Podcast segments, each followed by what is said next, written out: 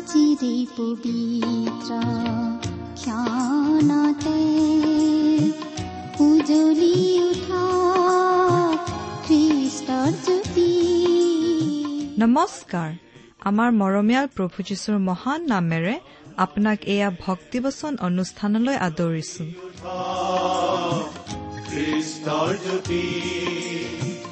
আকাশ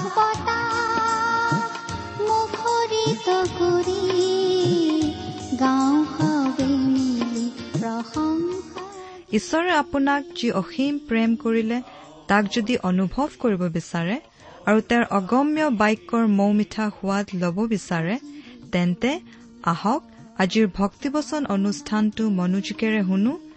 এয়া আপোনালৈ আগবঢ়াইছো ঈশ্বৰৰ জীৱন্ত বাক্যৰ অনুষ্ঠান ভক্তিবচন।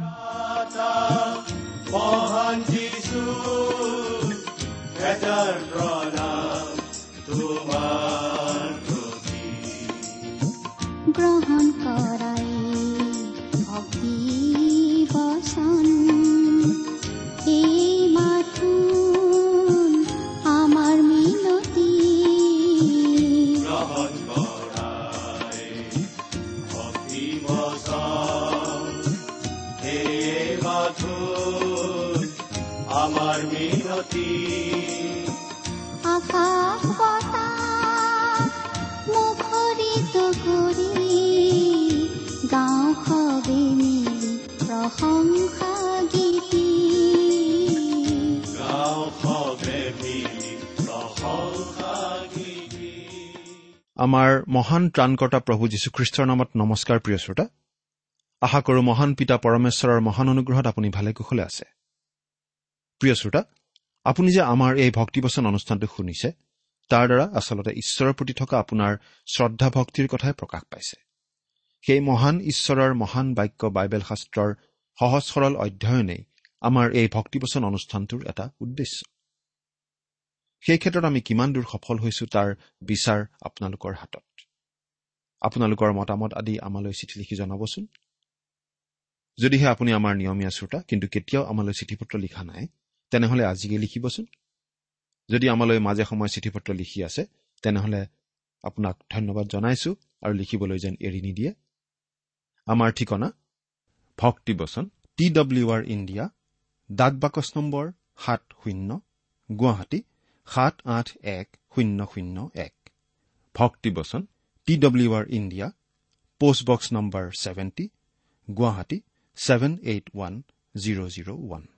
আমাৰ website W W W dot radio' eight eight two dot com প্ৰিয় শ্ৰোতা যদিহে আপুনি আমাৰ এই অনুষ্ঠানটো নিয়মিতভাৱে শুনি আছে তেনেহলে আপুনি নিশ্চয় জানে যে আমি আজি ভালেমান দিন ধৰি বাইবেলৰ পুৰণি নিয়ম খণ্ডৰ মিশা ভাৱবাদীৰ পুস্তক নামৰ পুস্তকখন অধ্যয়ন কৰি আছো।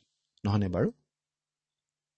যোৱা অনুষ্ঠানত আমি এই মিশা পুস্তকখনৰ ছয় নম্বৰ অধ্যায়ৰ ন নম্বৰ পদৰ পৰা পোন্ধৰ নম্বৰ পদলৈকে আলোচনা আগবঢ়াইছিলো। নহয়নে বাৰু? গতিকে আজিৰ অনুষ্ঠানত আমি এই মিশা পুস্তকখনৰ ছয় নম্বৰ অধ্যায়ৰ ষোল্ল নম্বৰ পদৰ পৰা আমাৰ আলোচনা আগবঢ়াই নিব খুজিছো। এই মিশা পুস্তকখন হৈছে এখন ভাৱবাণীমূলক পুস্তক আৰু ইয়াত ভৱিষ্যতে ঘটিবলগীয়া ঘটনা কথা কিছুমান জনাই দিয়া হৈছিল তাৰে কিছুমান ঘটি গ'ল কিছুমান এতিয়াও ঘটিবলৈ বাকী। আপুনি আপোনাৰ বাইবেলখন মিলি লৈছেনে বাৰু? আহক আমি বাইবেল অধ্যয়নৰ পিনে আগবঢ়াৰ আগতে খন্তেক প্ৰাৰ্থনাত মূৰ দুৱাওঁ হওক। আমি প্ৰাৰ্থনা কৰোঁ। স্বৰ্গত থকা অসীম দয়ালু পিতৃ ঈশ্বৰ তোমাৰ মহান নামৰ ধন্যবাদ কৰোঁ। তুমি সৰ্বশক্তিমান সৰ্বব্যাপী সৰ্বজ্ঞানী ঈশ্বৰ হৈও আমাৰ দৰে সাধাৰণ মানুহক যে ইমান প্ৰেম কৰা সেই কথা ভাবিলেই আচৰিত লাগে। তুমি আমাক ইমানেই প্ৰেম কৰিলা যে আমাক পৰিত্ৰাণ দিবলৈ তুমি তোমাৰ একেজাত পুত্ৰ যীশুখ্ৰীষ্টকে আমালৈ দান কৰিলা। তেওঁ আমাৰ সকলো পাপৰ বোজা নিজৰ কান্ধত লৈ আমাৰ হৈ ক্ৰুচত প্ৰাণ দিলে। নিজৰ পবিত্ৰ তেজেৰে আমাৰ পাপৰ প্ৰায়চিত্ৰ কৰিলে। আজি তেওঁত বিশ্বাস কৰি আমি অনন্ত জীৱন লাভ কৰি তোমাক পিতৃ বুলি মাতিব পৰা হৈছো। তাৰ বাবে তোমাক অশেষ ধন্যবাদ পিতা। এতিয়া আমি তোমাৰ মহান বাক্য বাইবেল শাস্ত্ৰ অধ্যয়ন কৰিবলৈ ওলাইছো প্ৰাৰ্থনা কৰিছো পিতা তোমাৰ বাক্য বুজি পাবলৈ তুমি আমাক সহায় কৰা। এই অনুষ্ঠান শুনি থকা আমাৰ মৰমৰ শ্ৰোতাসকলক তুমি উপচি পৰাকৈ আশীৰ্বাদ কৰা। তেওঁলোকৰ জীৱন তোমাৰ মহান আশীৰ্বাদেৰে সফল কৰি তোলা। তোমাৰ স্পষ্ট মাত তেওঁলোকক শুনিবলৈ দিয়া। কিয়নো এই প্ৰাৰ্থনা আমাৰ মহান ত্ৰাণকৰ্তা মৃত্যুঞ্জয় প্ৰভু যীশুখ্ৰীষ্টৰ নামত আগবঢ়ালো। আমেন।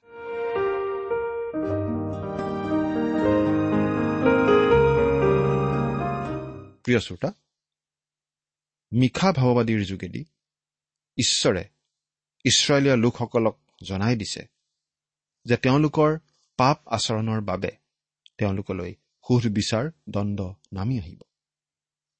আহক এতিয়া ষোল্ল নম্বৰ পদৰ পৰা চাওঁ। মিশা ছয় নম্বৰ অধ্যায়ৰ ষোল্ল নম্বৰ পদ পাঠ কৰি দিম। যদিহে লগত বাইবেল আছে চাই যাব। আৰু যদিহে লগত বাইবেল নাই অনুগ্ৰহ কৰি মন দি শুনিব। কিয়নো মই যেন তোমাক ধ্বংসস্থান আৰু দেশ নিবাসীবিলাকক ইছ ঈশ্বৰ বিষয় কৰিম।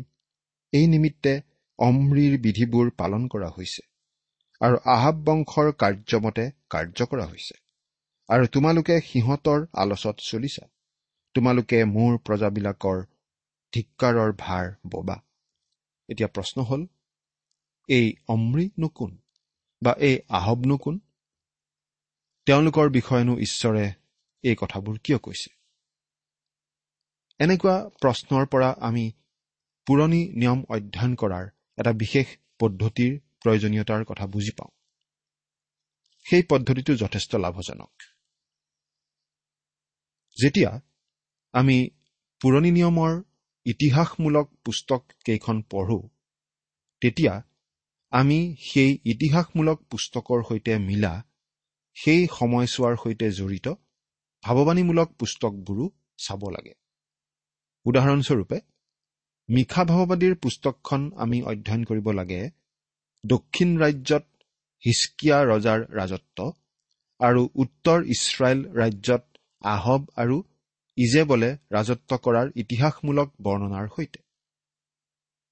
যদি ভাৱবাণীমূলক পুস্তককেইখনৰ লগে লগে ইতিহাসমূলক পুস্তককেইখনো চাই যোৱা হয় তেতিয়াহ'লে আমি সামগ্ৰিক ছবি এখন পাওঁ।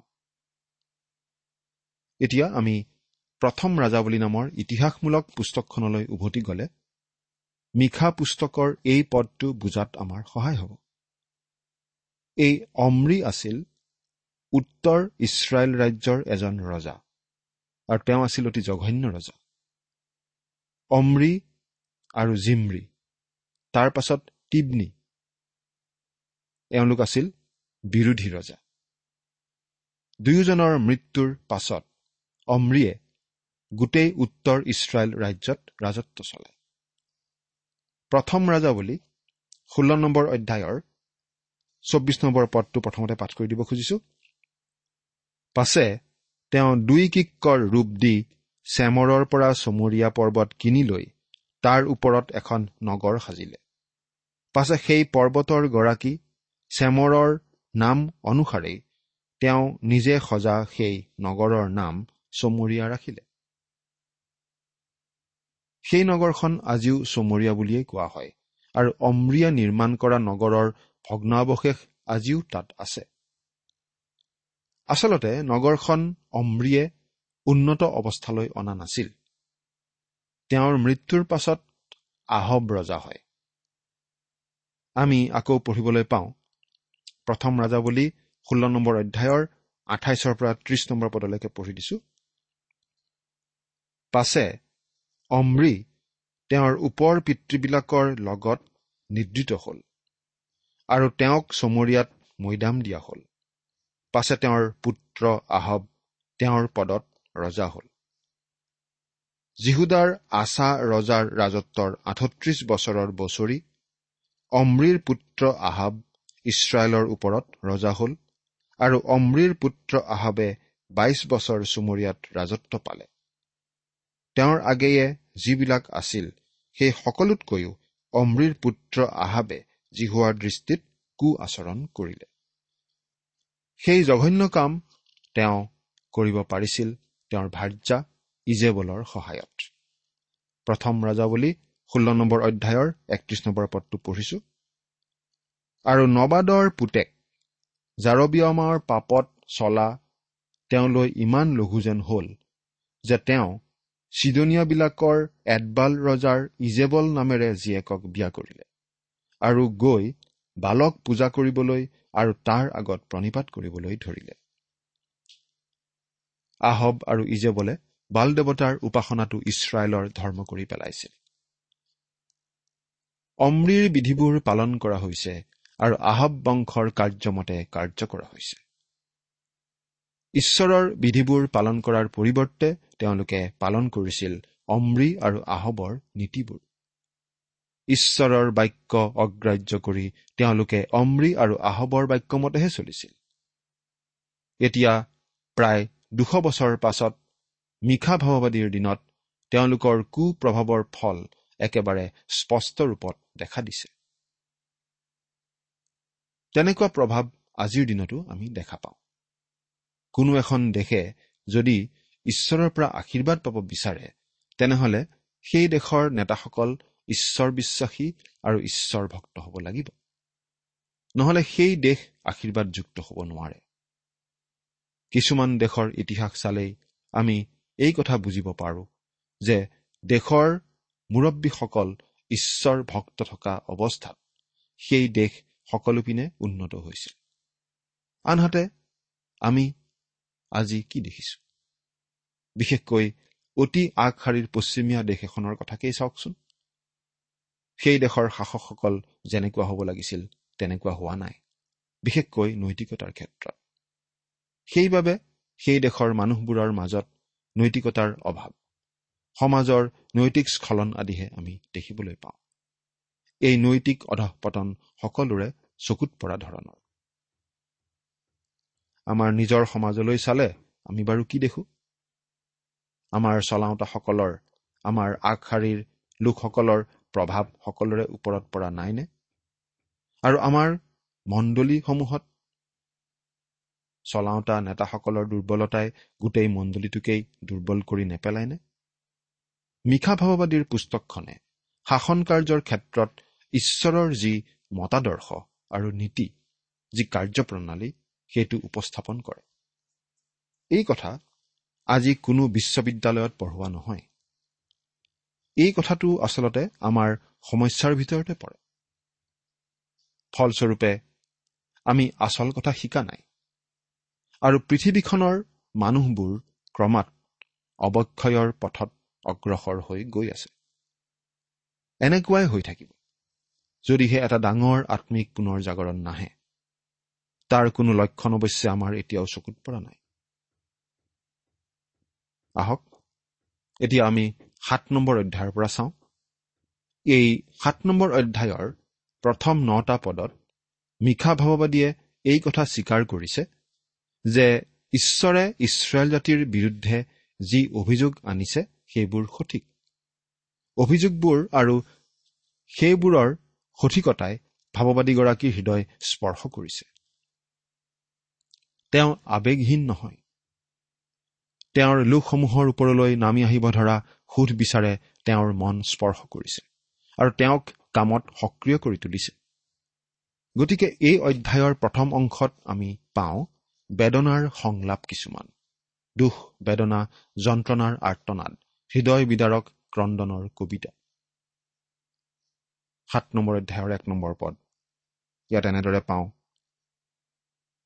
মোৰ সন্তাপ হ'ল কিয়নো মই ঘামকালৰ গুটি চপোৱাৰ চেয়েৰ পৰা দ্ৰাক্ষাগুটি গোটোৱাৰ পাছত গুটি বিচৰাবিলাকৰ নিচিনা হলো।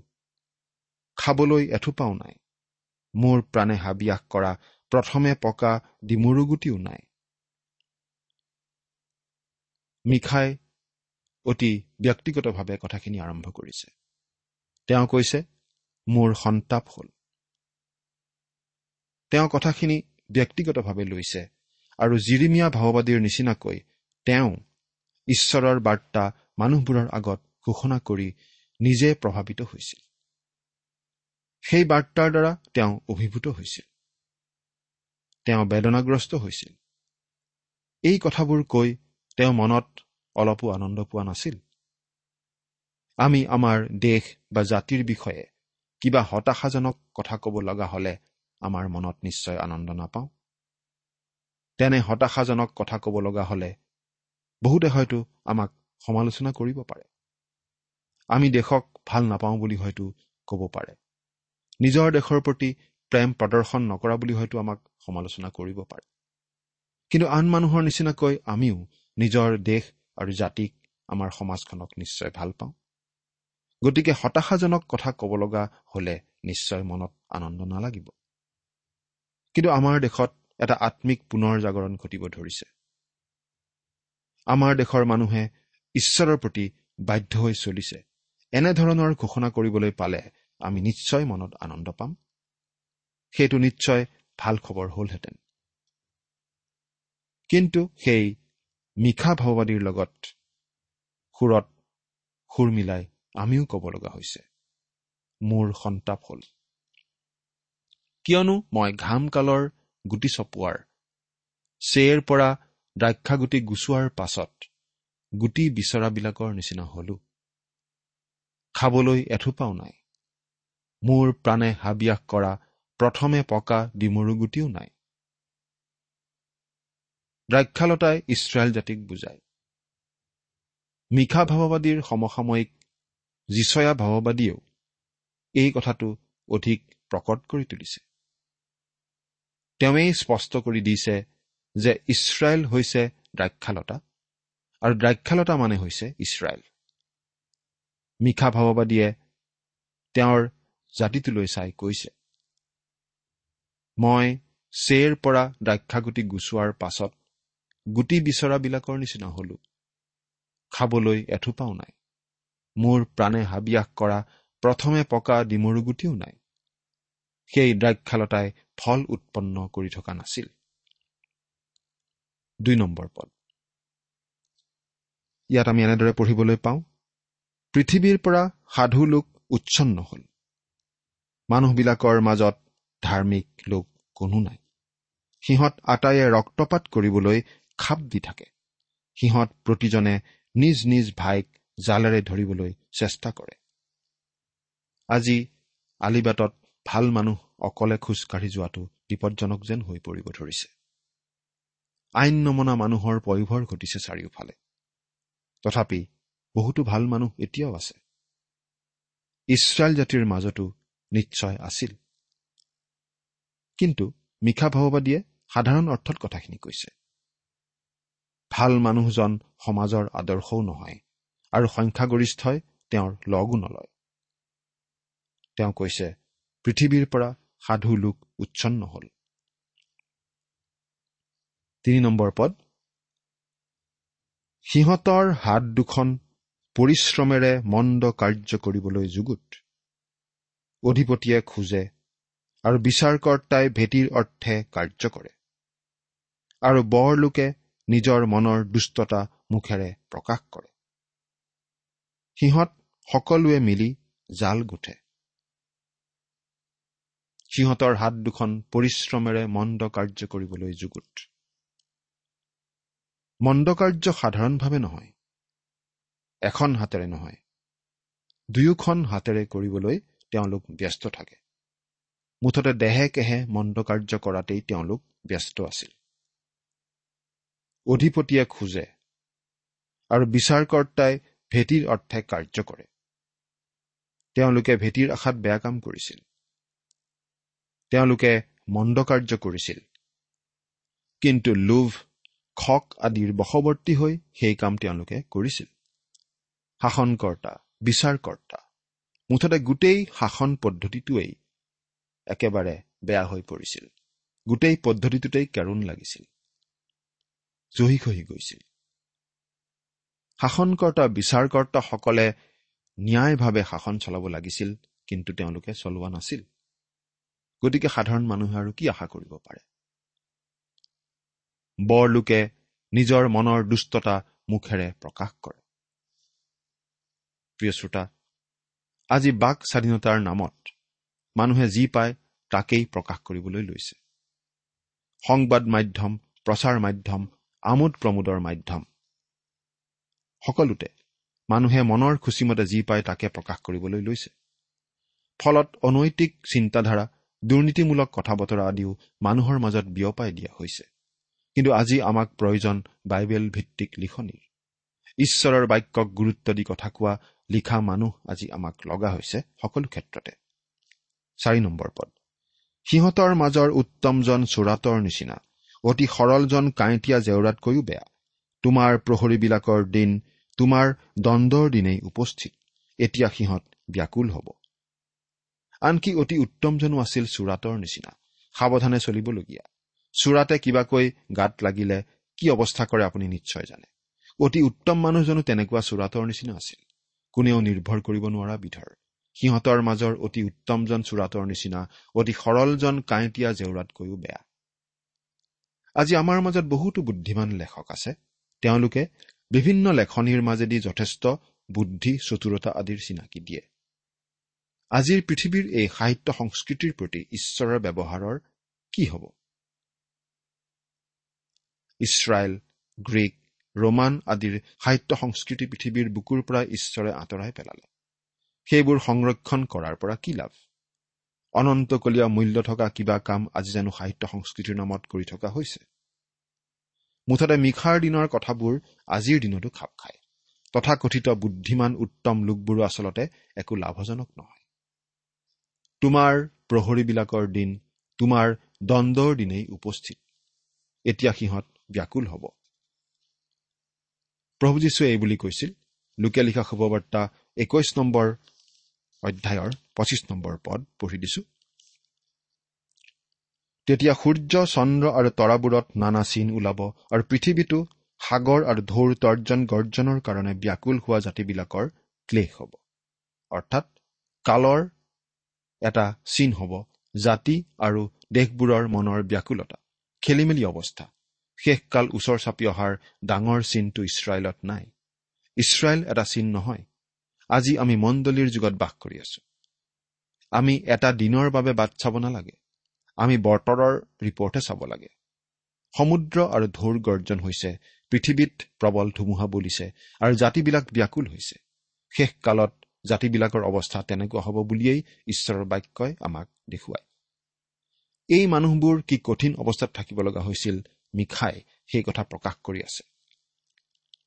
মিখা ছয় নম্বৰ অধ্যায়ৰ আঠ নম্বৰ পদত অতি সুন্দৰ মন্তব্য কৰা হৈছিল যে মানুহবোৰে যি ভাল তাক কৰিব লাগে ন্যায় কাৰ্য কৰিব লাগে দয়া ভাল পাব লাগে নম্ৰভাৱে ঈশ্বৰৰ পথত চলিব লাগে।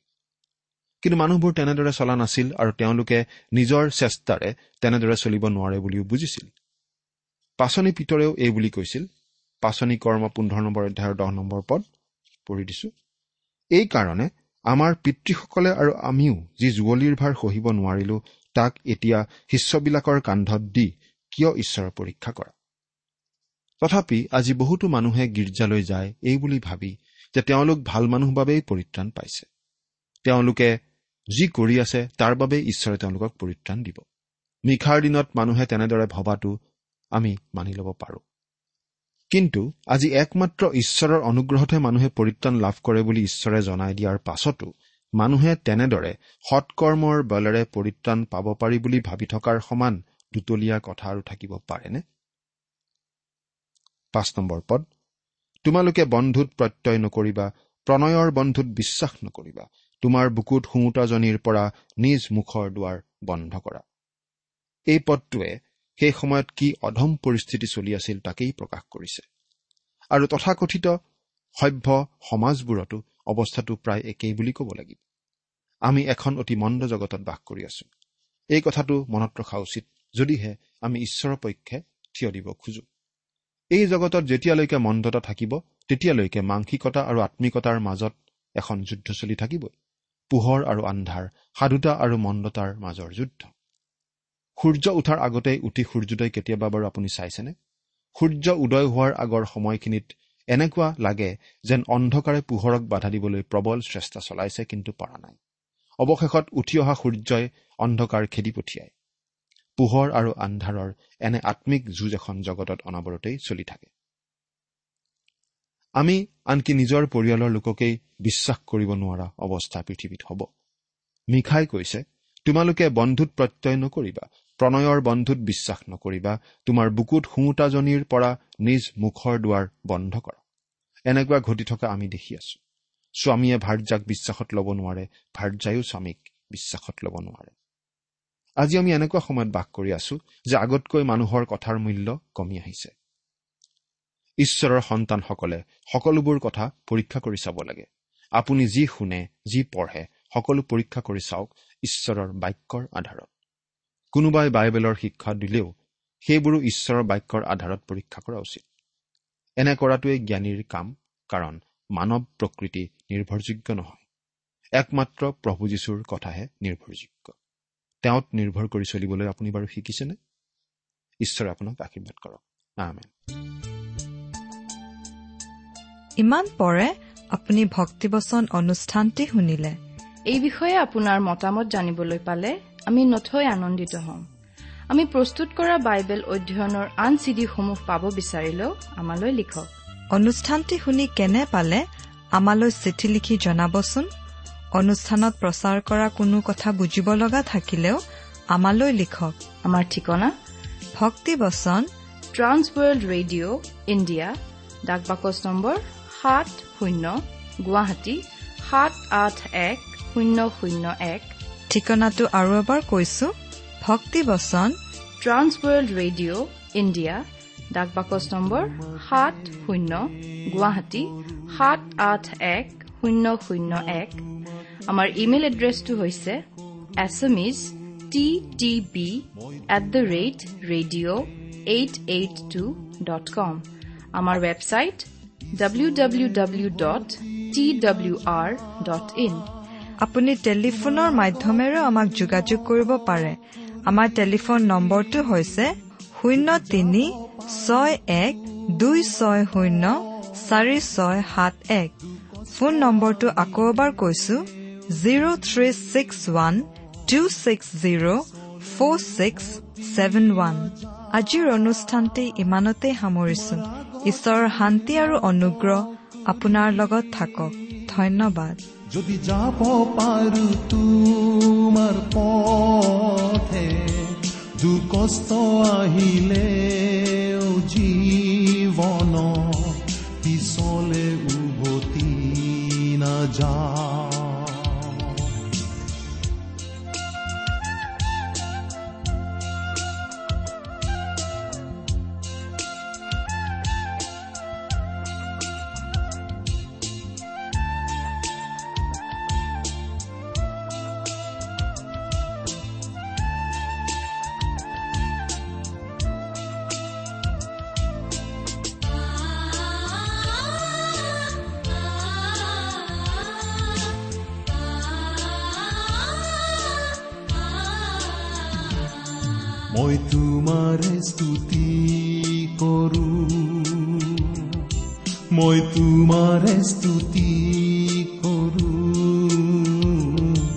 মই তোমাৰ স্তুতি কৰো পিছলে উভতি নাযা তোমাৰ আগত হিৰ নত কৰি যদি যাব পাৰো